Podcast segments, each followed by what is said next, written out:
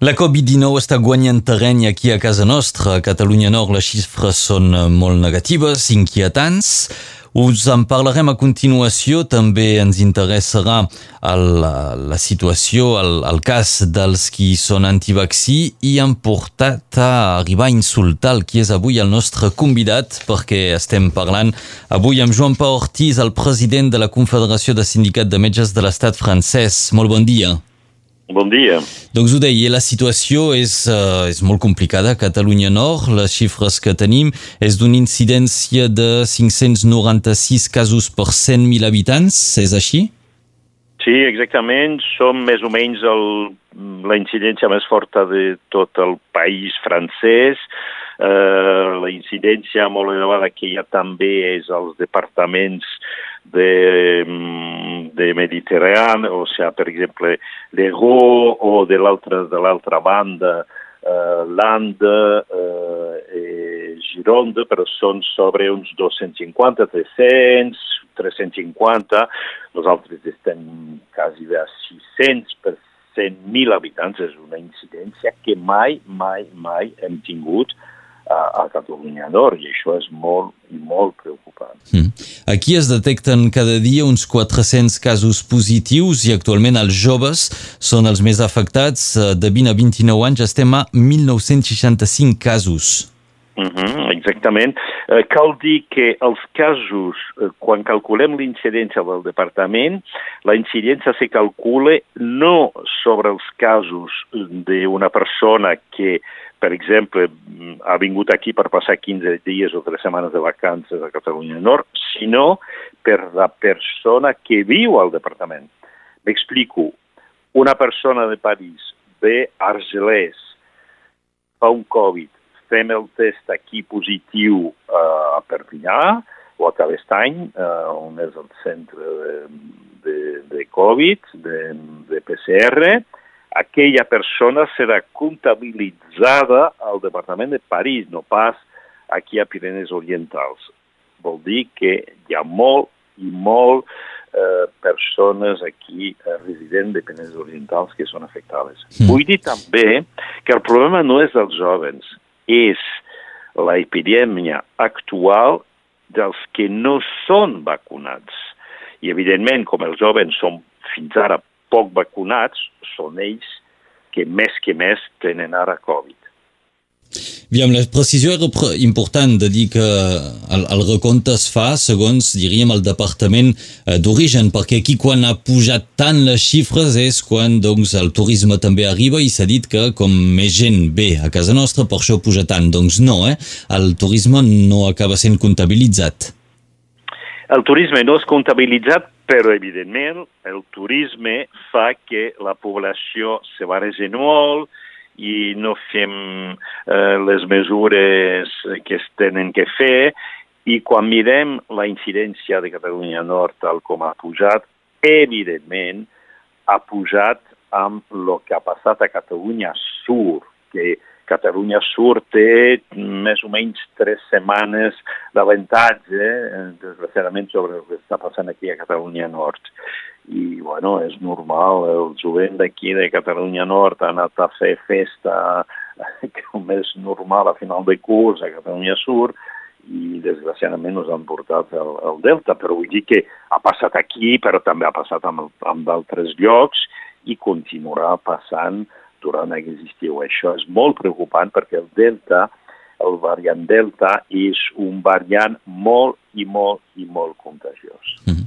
Doctor Joan Pau això dels recomptes segons el Departament d'Origen pot significar que algú de eh, Marseille que ha estat detectat positiu aquí a Catalunya Nord és comptabilitzat allà, però eh, eh està aquí. Això vol dir que eh, potser aquí tenim els malalts nord-catalans, però també altra gent, que això vol dir potser les xifres de persones contagiades, persones positives, és més alt.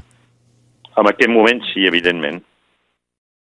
Això pot tenir efectes mm, molt problemàtics? Això pot tenir efectes en sentit que, com som un país turístic, eh, la gent que són comptabilitzades en d'altres departaments i que són positius encara que estan aquí, poden portar el virus si no fan l'aïllament tal com se té que fer, poden portar el virus a d'altres persones residents al departament. Quan mires el que és el mapa de França, l'únic, els únics llocs on en aquest moment no hi ha eh, Covid són els departaments del centre de França que hi ha molt i molt poc de turisme. Mm -hmm. Aquí, de moment, el pic de contagis que coneixem eh, no s'ha traduït, o, o no massa de moment, en, en pic d'hospitalitzacions. Al contrari, a Catalunya Sud, la setmana passada es deia que eh, baixaven els contagis però estaven pujant les hospitalitzacions. Com s'explica? I és que aquí també podem tenir un cas semblant.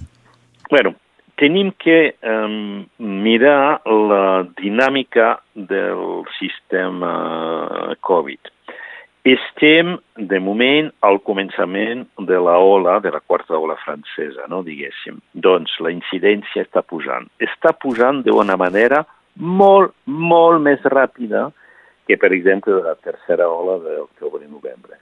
Però, de moment, la, in, la incidència sobre els hospitals no és és comparable a lo que va passar a octubre i novembre a nivell estatal, vol dir que puja una mica, però no puja en proporció de la incidència molt elevada que tenim ara eh, en plan de Covid. I això també a nivell estatal és el mateix.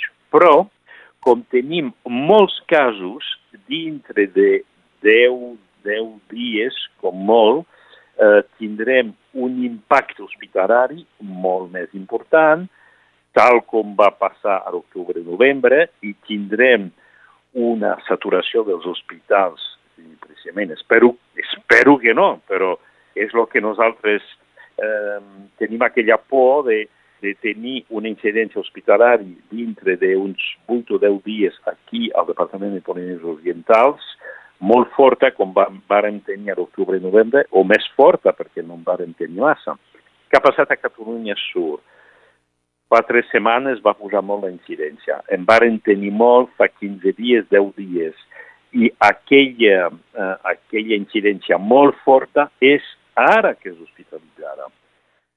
Sort que han agafat mesures i la incidència de nou casos va baixant. Això vol dir que dintre d'uns 15 dies o 3 setmanes la incidència hospitalari baixarà, perquè hi ha un decalatge entre l'augment de casos positius que tindrà incidència sobre els casos hospitalitzats eh, més o menys al cap de 10-15 dies. I la incidència en, eh, a les UCIs de cuidats intensius també eh, se fa entre 15 i 20 dies.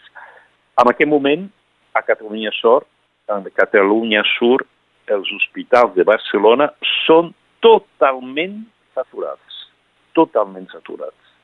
Això és el que pot passar aquí a Catalunya Nord dintre de 10-15 dies. I això és el que ens preocupa molt. Doncs, evidentment, anirem seguint la, la situació, aviam com, com es desenvolupa. En tot cas, eh, Joan Pau Ortiz, eh, seu el president de la Confederació de Sindicat de Metges de l'Estat francès, una de les figures eh, públiques que, a través dels mitjans de comunicació com el nostre, crideu a la, a la vacunació, que la gent faci aquest, aquest pas, i això us ha valgut eh, insults, agressions verbals a través d'internet, de les xarxes eh, socials, ho heu denunciat recentment? Quina és la situació? Rebeu insults regularment? Quan ets un home públic és normal de ser criticat i és normal de rebre una sèrie de comentaris que no són pas massa agradables. Des de fa mm, un, unes setmanes, la quantitat de lo que rebo i la duresa de lo, de lo que rebo trobo que ha passat la mesura. Quan me traten de criminal nazi, quan un comentari, per exemple, que diu vivement Nuremberg perquè eh, aquell el tindrem que jutjar, eh, quan me traten de Stasi, de Gestapo, de Colabó, vull dir que arriba un moment que dius, bueno, eh, jo estic parlant del, de la meva professió, estic parlant de la vacunació massiva, que és l'única forma de salvar la gent, i com és que hi ha tanta agressivitat i aquelles paraules que, que fan referència amb, un, amb la història més negra del nostre país, com, com la gent se pot passar d'aquella forma. Sí, ho sé, és la, la facilitat anònima eh, de, de les redes socials, però jo, jo no sóc d'acord amb els altivacs i ho demostro amb dates científiques, però jo mai les he insultat mai, i les respecto, ells tenen la seva opinió, la seva opinió, no es volen vacunar. Doncs pues mira, eh, ara, en aquest moment, els positius, entre 83 i 95% dels positius que tenim ara són gent que no han fet la vacunació completa. Jo no puc dir una altra cosa, són fets. Si la gent que no es volen vacunar diuen m'estimo més fer un Covid que no pas fer-me la vacunació, jo ho puc respectar. Ara, no és per això que me tenen que insultar d'aquella manera, sobretot quan, bueno, la gent me coneix un, una mica i em coneix també una mica la meva història personal. Vull dir que hi ha coses que dius, bueno, ja està bé, no? Perquè de fin al cap eh, estic defensant i estic aportant una paraula per um, salvar vides humanes. Mm. Perquè cada dia que se retrasa la vacunació se perd vides humanes. És, és veritat que sóc molt mediatitzat amb totes les cadenes d'informe mm, permanent, com BFM o CNews o LCI, perquè quasi bé cada dia hi soc, però no és una raó per no respectar l'opinió de l'altre per sort aquests comentaris més agressius uh, són, uh, no, no són tan nombrosos i la majoria dels qui són contra la vaccinació doncs uh, no, no, no tenen aquest, aquest recurs a, a l'insult, però mm, suposi que constateu que aquesta oposició a, al, al vaccí, no sé si està creixent, en tot cas sembla prou important a manifestacions regulars.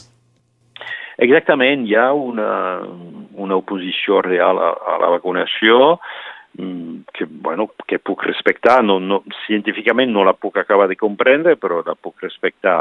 Eh, ara, eh, aquella oposició arriba un moment que, ha en, que, que s'ha passat amb un modo irracional, s'ha passat amb, amb un modo que hi ha una petita franja de, de, dels antivacunació que ja no tenen límits d'expressió de, i, i, i això és molt preocupant perquè, perquè jo noto a nivell uh, de l'estat francès, a nivell de, de, la nostra, de la nostra república, com una fractura que s'està fent. I, I això em preocupa molt, perquè eh, pues, la democràcia és respectar l'altre. Eh, la llibertat de cadascú separa on comença la, lliber la llibertat de l'altre. I no podem viure conjuntament amb un país si unes regles tan simples que això no se respecten.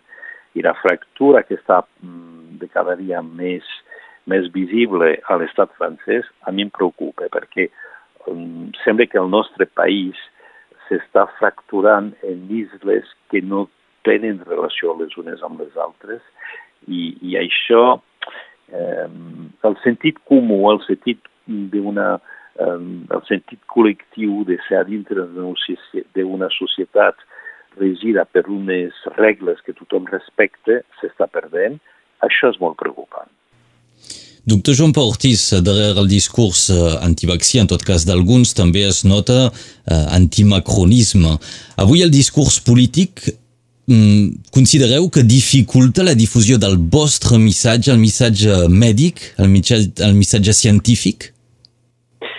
Sí, evidentment, um, jo, jo no sóc un polític, jo sóc un professional i evidentment eh, darrere de, dels antivacs hi ha també els antimacrons, els antisistema, tot el que vulguis, eh, que això um, ho puc respectar i, i en part ho puc compartir, però una cosa és tindre una postura política, eh, dire que no sóc d'acord amb amb aquesta postura del govern en tal i tal situació. Una altra cosa és expressar aquella fractura amb aquella duresa i amb aquell excés de paraula.